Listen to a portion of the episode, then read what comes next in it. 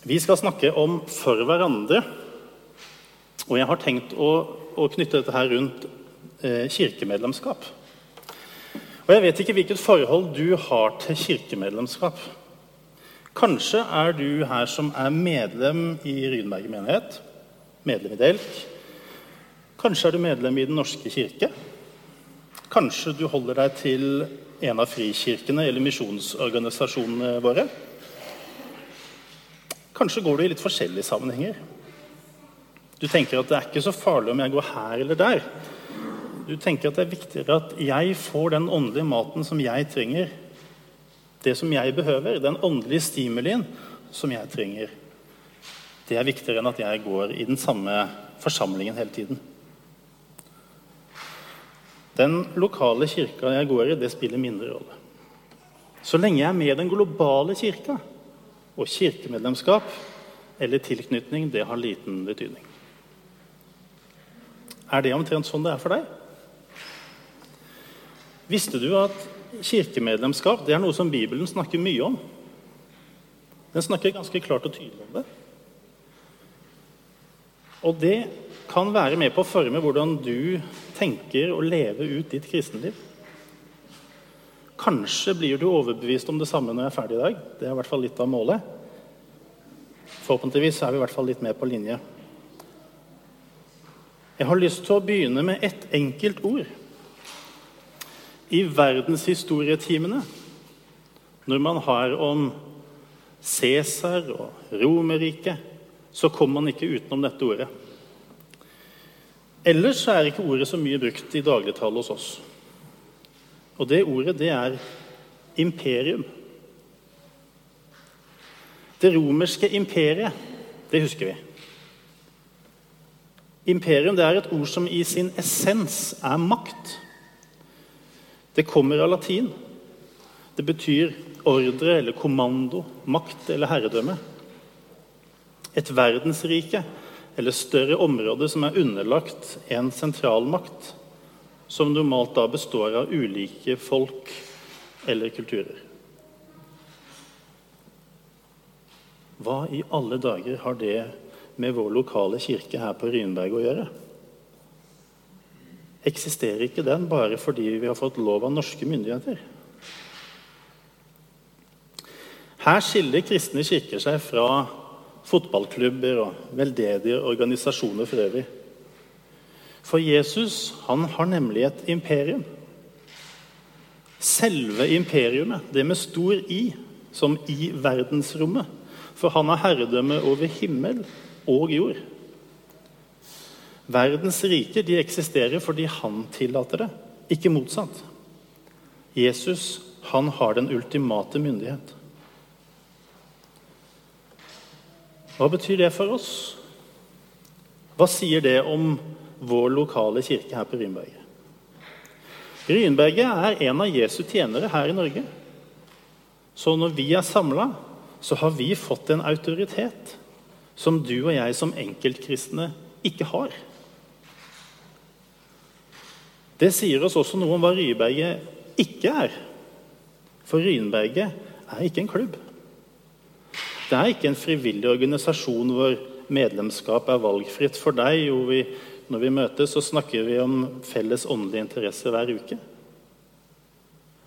Og det er heller ikke en tjenesteytende organisasjon hvor du er kunde med alle rettigheter, hvor du kan svinge inn på plassen her sånn ja, kvart på elleve kanskje, og få din ukentlige dose med fyll, påfyll på bensintanken.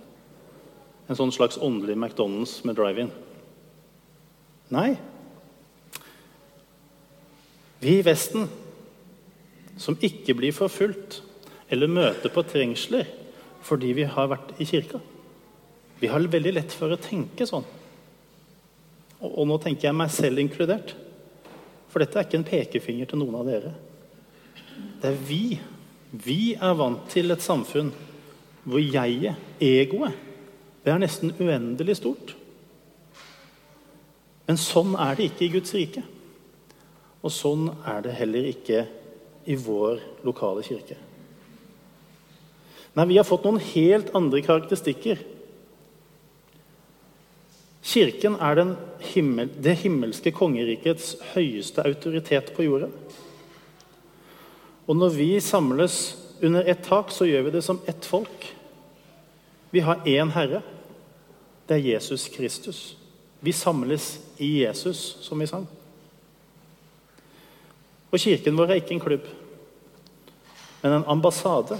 En utpost for de som er på vei hjem til det himmelske kongeriket. Og sist, men ikke minst, som kristne så blir vi ikke bare med i kirka. Vi underkaster oss den. Det her skal vi grave dypere i nå. Og Jeg har satt opp fem overskrifter som jeg tenker vi skal dra oss gjennom. Det første det er hva er en kirke, og hva er et kirkemedlem? Det kommer til å ta lengst tid. Så skal vi se på grunner til at medlemskap er vesentlig. Så skal vi se på hva det vil si å være medlem. Og hvordan vi skal opptre som medlemmer. Og til slutt hva skjer når medlemmer ikke representerer Jesus lenger? Vi begynner med det første først. Hva er en kirke, og hva er et kirkemedlem? For Om vi leser i evangeliene, eksempelvis i Matteus, så er ordet kirke eller menighet det er knapt nok nevnt. To steder i Matteus så ser vi at Jesus snakker om det. Først når han forteller til Peter at 'på deg vil jeg bygge min kirke', i Matteus 16. Og så, to kapitler seinere, så snakker han om binde- og løsemakten til menigheten i Matteus 18. Dette skal vi komme tilbake igjen til seinere. Men jeg har lyst til å ta dere med på en lyntur gjennom apostlenes gjerninger og brevene. Det blir en lyntur, altså. Noe, vi skal ikke helt ned i de. Men vi skal se etter spor av hva som sies om hva kirke eller menighet er. Og hva et kirkemedlem er. Og vi kommer ikke langt før vi får første stopp. Allerede i kapittel 2 så holder Peter en flammende tale i Jerusalem som stikker i hjertet på mange som er der i mengden. Han oppfordrer de som identifiserer seg med Jesus, om å gjøre det offentlig ved å døpe seg. Omkring 3000 ble lagt til, så de holdt altså også et manntall over medlemmene. Vi leser videre at de kalte seg de troende, at de holdt sammen og hadde alt felles og delte ut til alle som de trengte. Etter, ettersom de trengte. De holdt trofast sammen hver dag på tempelplassen, møttes i hjemmene til hverandre for fellesskap og måltid i mindre grupper. I kapittel 4 så er tallet bare på de mannlige medlemmene omtrent 5000, ser vi. I kapittel 5 så ser vi at de for første gang bruker uttrykket 'menighet' om seg selv, og de blir godt likt av folket. Likevel begynner de å oppleve forfølgelse. Stefanus steines, og fariseeren Saul begynner å gå fra hus til hus og setter kirkemedlemmer bak lås og slå. Det ser vi i kapittel 8. Forfølgelsen fører til at kirken sprer seg. Og disipler de begynner å poppe opp i landene og områdene omkring. I kapittel 11 så ser vi utover at nye kirker vokser fram i Antiokia i Syria. Saul han har blitt til Paulus og står i et års vekkelse der sammen med Barnabas. Og når ryktene om hungersnød kommer, om at de kristne i Judea lider hunger, altså, så setter de syriske kristne i gang en innsamlingsaksjon og hjelpesendinger tilbake igjen til Judea. Paulus fortsetter med kirkeplanting, og nye menigheter legges til. Han og andre av apostlene skriver en mengde brever til disse nye menighetene. Bl.a. om nødvendigheten av å ha ledere av menighetene, innrette seg etter dem og etter den sanne læren, og kvitte seg med falske lærere. Hvis vi prøver å destillere alt det jeg nå har sagt, ned Hva kjennetegner de kristne gjennom apostlenes gjerninger og brevene? Jo, eksistensen deres den er grunnfesta i Jesus. Evangeliet om Jesus som frelser og herre, han som har tilgitt og sona all synd. For det andre at de kristne samles i individuelle kirker, men som kommuniserer tett med hverandre, har mye med hverandre å gjøre. De kristne de identifiserer seg selv kollektivt som menigheter.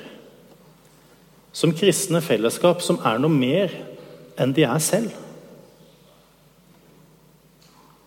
For det fjerde menigheter har en spesiell kraft og en egen identitet når den er samla, som kristne ikke har som enkeltindivider. Den offentlige markeringen av det kristne livet er alltid dåpen.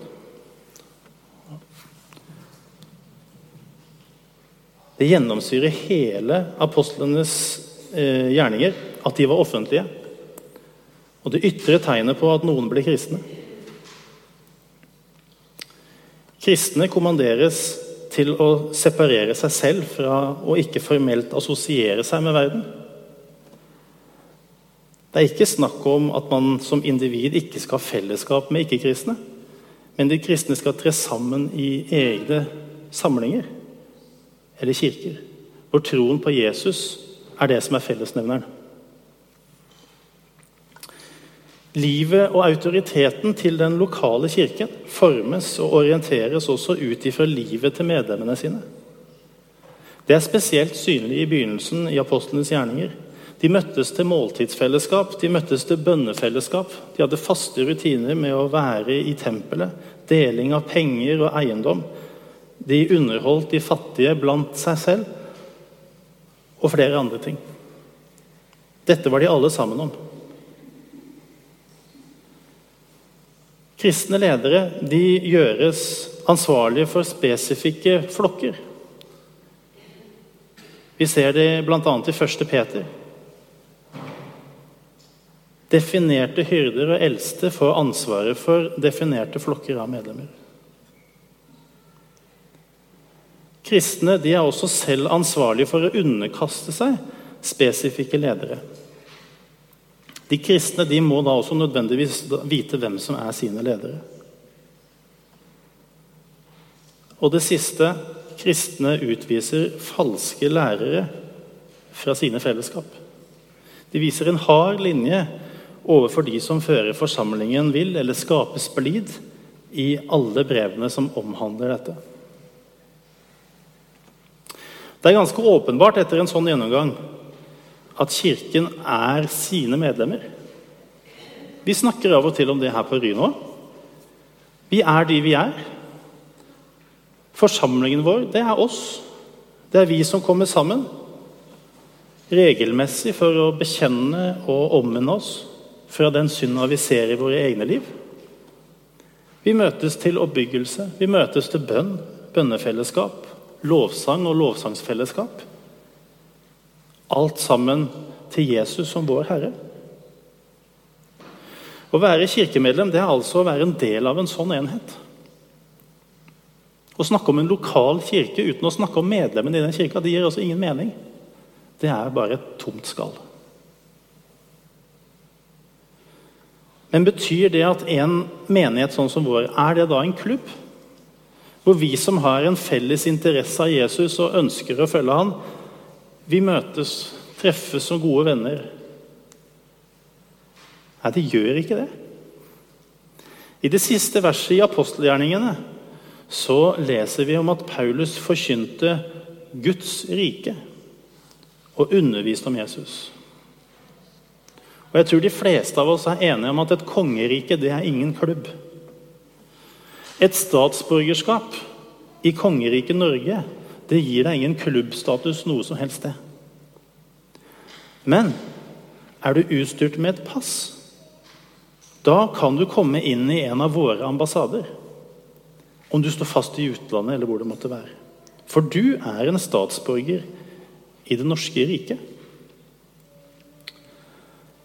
Som kristen, som en som ønsker å være i Jesus, så er du statsborger i det himmelske riket.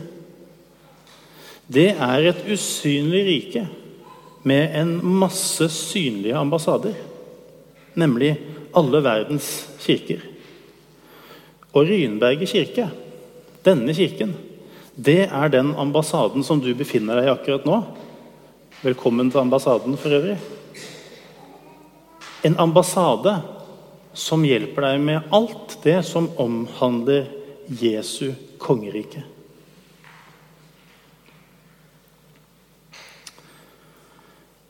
Og Da har jeg lyst til å stille deg et spørsmål. Hva er forskjellen på to kristne som tilhører den samme kirka, og to kristne som ikke gjør det? Eller hvis vi tenker på det på en litt annen måte. Martha, Martha og jeg Martha går i vår kirke. Hun er medlem i vår kirke. Det er jeg også. Så har jeg en god venn som heter Jan Ørnulf. Han er også en kristen, men han går ikke i denne kirka. Har jeg som kristen et annet forhold til Martha enn jeg har til Jan Ørnulf? Som medkristen altså, har jeg andre forpliktelser i forhold til Jan Ørnulf og Martha? Vi tilhører Kristi kropp, alle tre. Vi er med den universale kirken, alle tre. Vi er alle kalt til å elske hverandre, be for hverandre, oppmuntre hverandre, irettesette hverandre når vi synder. Hjelpe hverandre på alle vis når det trengs. Er det noen forskjell? Hvis det ikke er noen forskjell, så har ikke medlemskapet vårt i den lokale kirka noen betydning. Da har det ingen betydning i forhold til våre kristenliv, rett og slett. Men det har det. Så hva er forskjellen? Jeg sa at det å være kristen det er som å tilhøre et usynlig kongerike. Jesu kongerike. Det kirkemedlemskapet som vi har, det er passet inn til det kongeriket. Det er den offentlige deklarasjonen på at du er en offisiell, lisensiert, genuint, ekte representant for Jesus her på jorda. Og den, det passet det utstedes av den ambassaden som du tilhører, den lokale kirka. Og Det er flere ting som inngår i den deklarasjonen. For det første så bekrefter Kirka offisielt at dette er et individ som er døpt, som utviser en sannferdig tro på Jesus som sin herre og frelser. For det andre så lover Kirka å utøve et tilsyn overfor dette individet sitt disippelskap.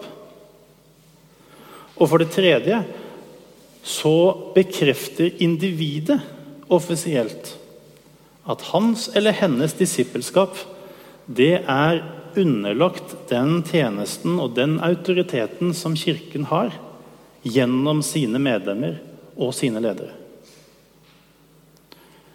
Vi opererer med en liste her på Ryen over de av våre medlemmer som er nattverdssøkende, aktive medlemmer. Og er en veldig god match til disse tre punktene. Kirka tar altså et spesifikt ansvar for deg, og du for kirka. Når det gjelder tilsynsrollen, så er det selvfølgelig en, en, forskjell på de som er eldste og lederskapet i kirka. De spiller en større rolle. Men som brødre og søstre i kirka, i den samme kirka, så har vi også den rollen overfor hverandre. Som kristen så har jeg et spesielt ansvar for Martha. For vi er i samme menighet. Det har jeg ikke overfor Jan Ørnulf. Og Sånn er det for deg og meg, vi som er medlemmer her på Rynberget. Vi har det samme ansvaret overfor hverandre.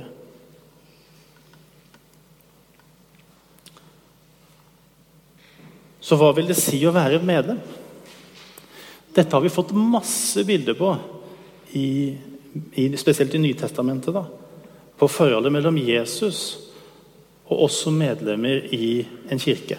Kanskje fordi det ikke strekker helt til, har i hvert fall jeg fabulert på. Vi har fått eh, f.eks. familie som et bilde, kropp som et bilde, ekteskap er et, vintre er et annet. Det vi kanskje ikke tenker på så ofte, det er at hver enkelt lokal kirke, her på Ryenberget f.eks. Vi er ikke bare en del av den globale kirka. Ikke bare en del av den globale kroppen, for å bruke det eksempelet. Men vi er også en selvstendig kropp. En full, en hel kropp med Jesus som vårt hode. Og Det er heller ikke nok å bare ha et mentalt bilde av hva kirka er. Det er viktig å ha en kropp som er din. Jesus vil at du skal leve i det. Leve på et sted som er ditt. Være med i en kropp som er din. Hvor du kan oppfylle dine obligasjoner overfor de som er i den lokale kirka. Og de andre kristne i kirka og de som er ledere, kan få lov å oppfylle sine overfor deg. Du trenger kort og godt en Guds familie som er din Guds familie.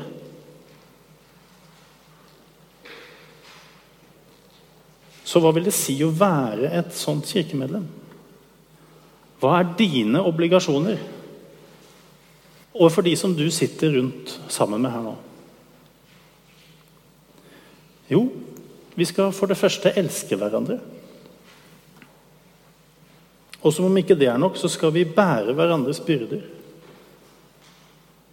Og så har vi fått beskjed om at vi skal tjene hverandre. Hver og en med den nådegave han har fått. Alle disse befalingene de er til deg. For at du skal leve de ut gjennom ditt kirkemedlemskap.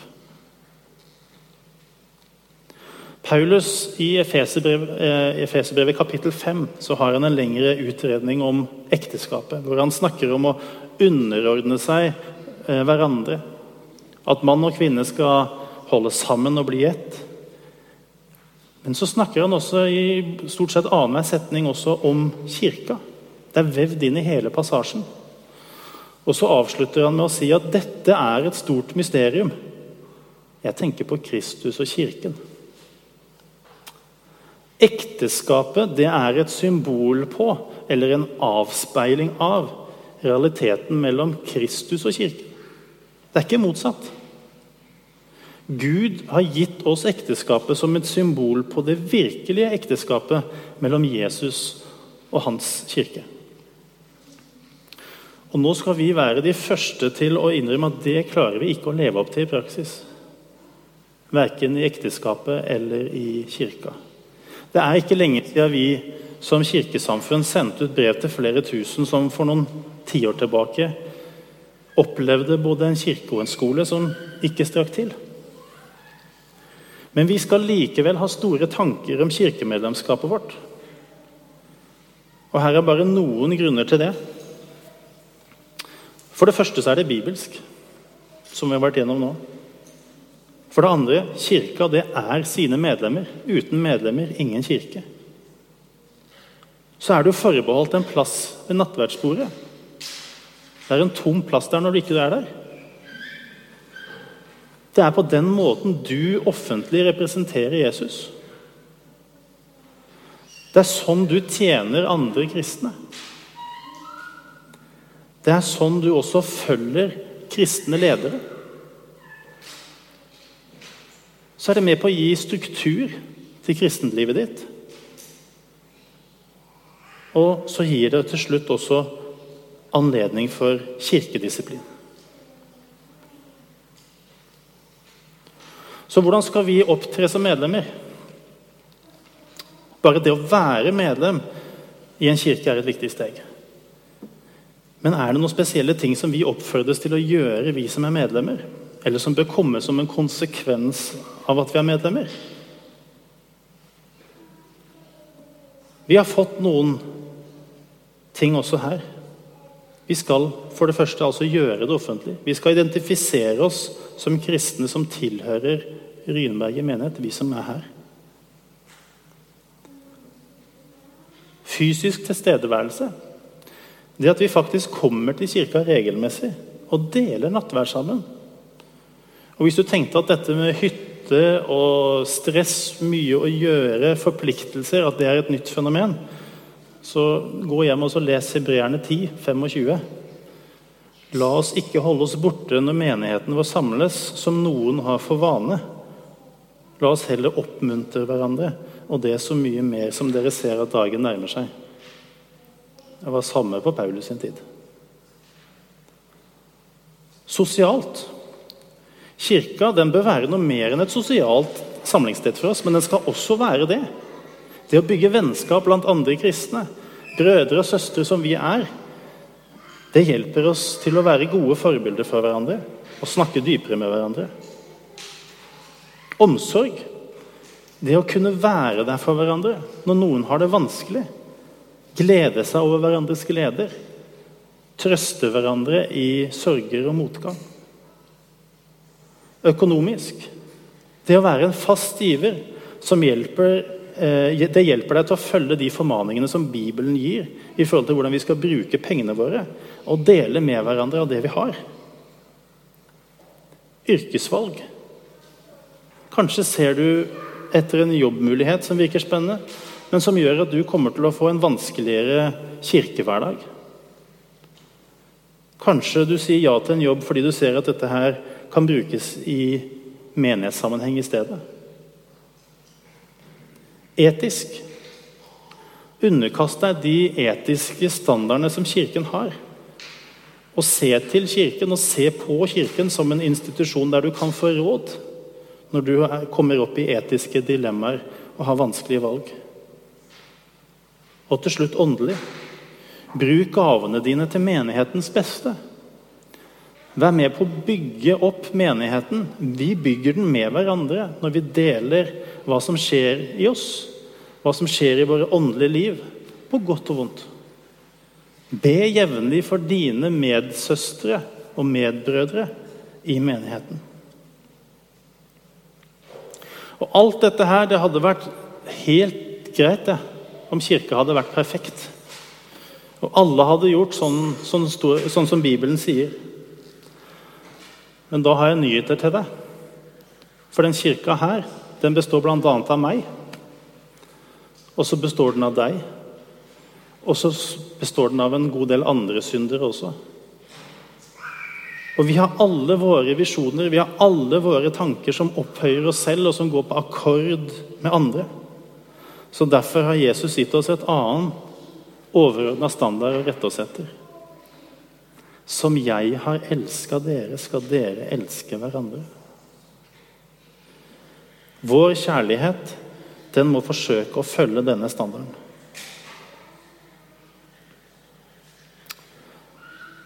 Det siste punktet hva skjer når noe går galt? Hva når det er noen som ikke lenger ønsker å leve med Jesus? i alt i livet sitt. Det kan være et underslag, det kan være ekteskapsbrudd, det kan være en livsstil som peker alle andre veier enn på hvem Jesus er.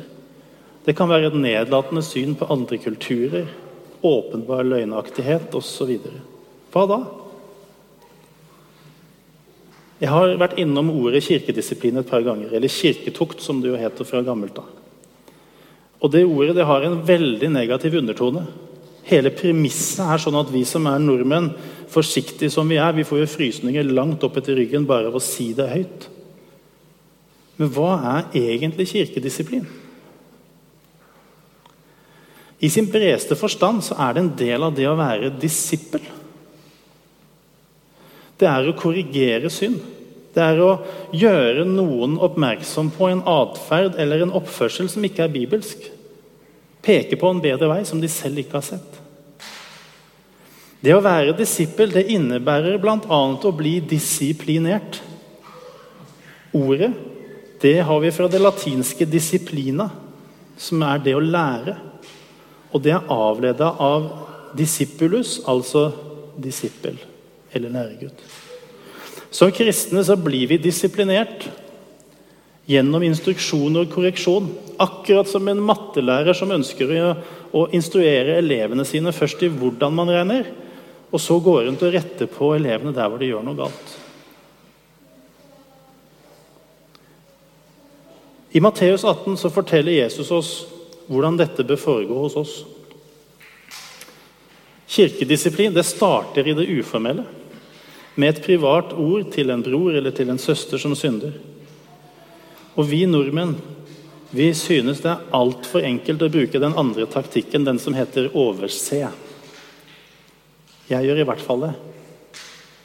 Så lenge jeg, at når jeg føler jeg må si noe, så har det blitt en større sak. Det har blitt mye mer ubehagelig, mye verre og større problem enn det egentlig trengte å være. I det mer spesifikke og formelle så vil kirkedisiplin si at vi som menighet til slutt er nødt til å ta noen ut av medlemslistene våre. Og ikke tillate deltakelse ved nattverdsbordet. Da har vi eldste hatt dialog med vedkommende over tid. Da har vi påpekt og snakka om synden og hvordan arbeide med den uten at vedkommende har tatt det inn over seg eller vedkjenner seg den synden. Og Da er det viktig å si at det er ikke snakk om å forhindre noen fra å komme på verken gudstjenester eller møter. For det å få forkynt ordet, Guds ord rent og klart, det trengs for alle syndere. Men det er snarere at Kirken sier at den kan rett og slett ikke lenger gå god for det passet. Den aktuelle personens tro. At den er genuin og ekte. Og da ønsker vi å forhindre at noen spiser og drikker seg til doms ved nattverdsbordet. Det er også viktig å huske på at hvert eneste kirkemedlem vi er først og fremst et Jesusvitne. Du er Jesus sin representant. Og når vi gjør skam på Jesus gjennom hvordan vi fremstår eller lever, så sverter vi han. Og vi gjør det vanskelig for de som ikke tror, å bli troende. Ikke fordi vi synder, først og fremst. Snarere egentlig tvert imot. For det er å innrømme at vi synder, er en viktig bit. Men det er måten vi unnlater å håndtere det på. Unnviker konfrontasjon på. Kirkedisiplin det er faktisk noe som er til vår nestes og vårt eget beste. Vi som er og ønsker å være Jesu disipler. For da kan vi klare å holde blikket festa på Jesus. Da kan vi være i Jesus, og så kan vi være med å hjelpe hverandre.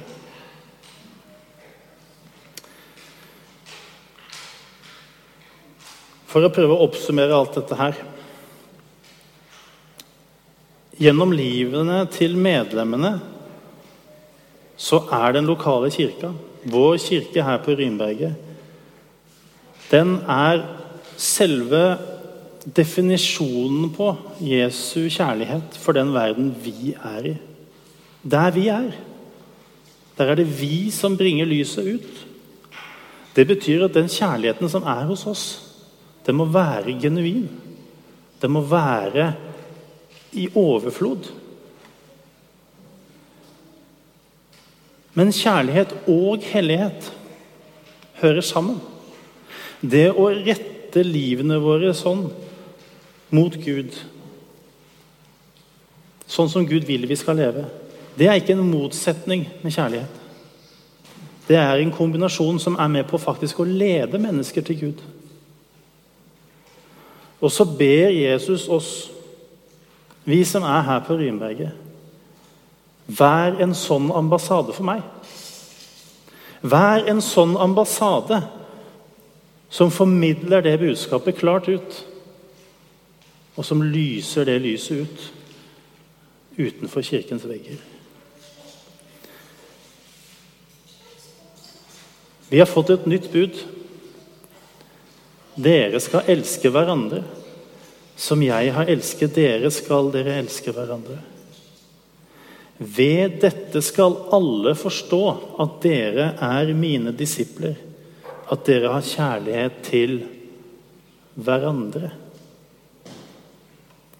Gjør vi det, dere, så blir Jesu kjærlighet til verden synlig for de som er rundt oss.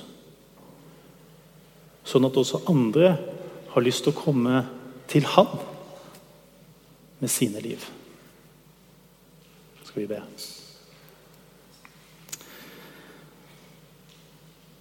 Kjære himmelske Far, takk for at du har gitt oss et sånt kjærlighetsbud. Gitt oss muligheten, Jesus, til å få lov å være et fyrlys her på Rynberget, Til å utstråle til de som er rundt oss, din kjærlighet. Og far, så ser du at vi bruker ikke mange sekundene på å se på oss selv og se at dette er skrale greier. For vi er de vi er. Med feil og med mangler og med skavanker og hull, og ikke har vi det ene og ikke har vi det andre, Jesus. Men sammen så er vi én kropp. Og så har vi deg som hode.